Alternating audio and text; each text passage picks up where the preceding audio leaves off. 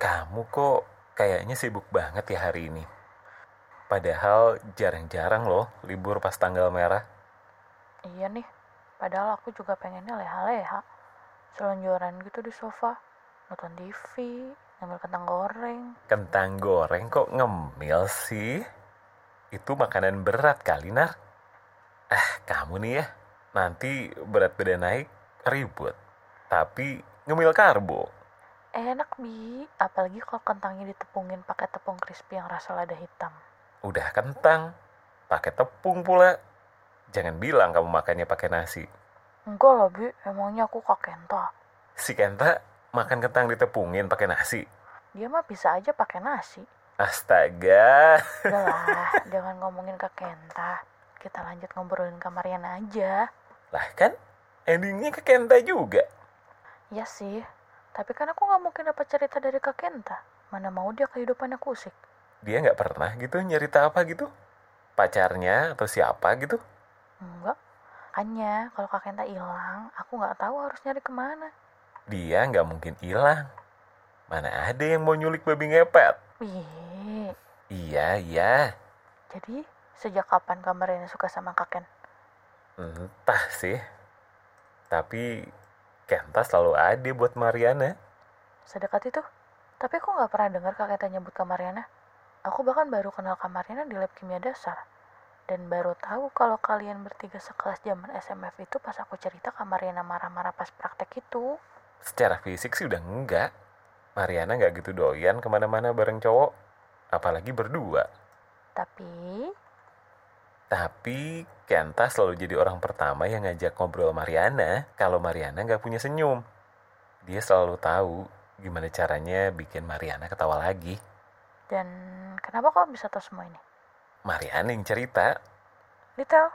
ya dia itu sebenarnya nggak pernah nutupin apapun. Cuman emang nggak pernah cerita aja kalau nggak ditanya. Dan kamu tanya-tanya. Soalnya dia nggak bisa nanya-nanya soal kamu kan. Berapa lama coba kamu ketemu dia di lab? Empat tahun kan? Dia bantuin kamu penelitian juga kan? Apa hubungannya sama aku? Maksudnya, aku cerita tentang orang yang aku suka dan dia cerita tentang orang yang dia suka. Dia kan udah tahu kamu, Tapi kamu juga udah tahu kaken kan? tapi aku kan nggak tahu kenapa harus Kenta. Dan jujur aja, aku sempat kaget Kenapa? Aku nggak bilang kalau Kenta itu nggak baik, tapi Mariana terlalu baik buat dia. Mariana sering cerita-cerita sama aku. Dia udah nggak ngarepin Kenta. Cuman jujur aja, Mariana masih suka kepikiran Kenta. Makanya dia kabur dulu ke sini. Kabur. Kabur gimana? Mariana itu diam-diam lanjut kuliah S2. Dan dia milih buat penelitian di sini. Jauhin Kenta. Seminggu pertama dia ke sini, internet handphonenya dia matiin. Biar Kenta nggak bisa ngubungin dia. Meski akhirnya Kenta nelpon juga. Soalnya internetnya doang yang mati. Dia masih bisa ditelepon pakai pulsa dan complicated lagi sih. Cuman seenggaknya dia bisa fokus penelitian di sini karena nggak akan ketemu Kenta di sini. Terus kalau bimbingan? Bolak-balik ke Bandung Demi apa coba? demi jauh dari Kenta Dan Kak Mariana di mana sekarang? ada di atas, Di atas mana? di lantai atas. Kamarnya tepat di atas kamar aku. Jadi kalau dia berisik gara-gara lagi ngedance, pasti kedengaran sama aku. Kamu satu kos sama Kak Mariana? Kan waktu itu pernah kita lagi teleponan terus Mariana nongol depan pintu kamar aku. Ternyata itu dia lagi pindahan.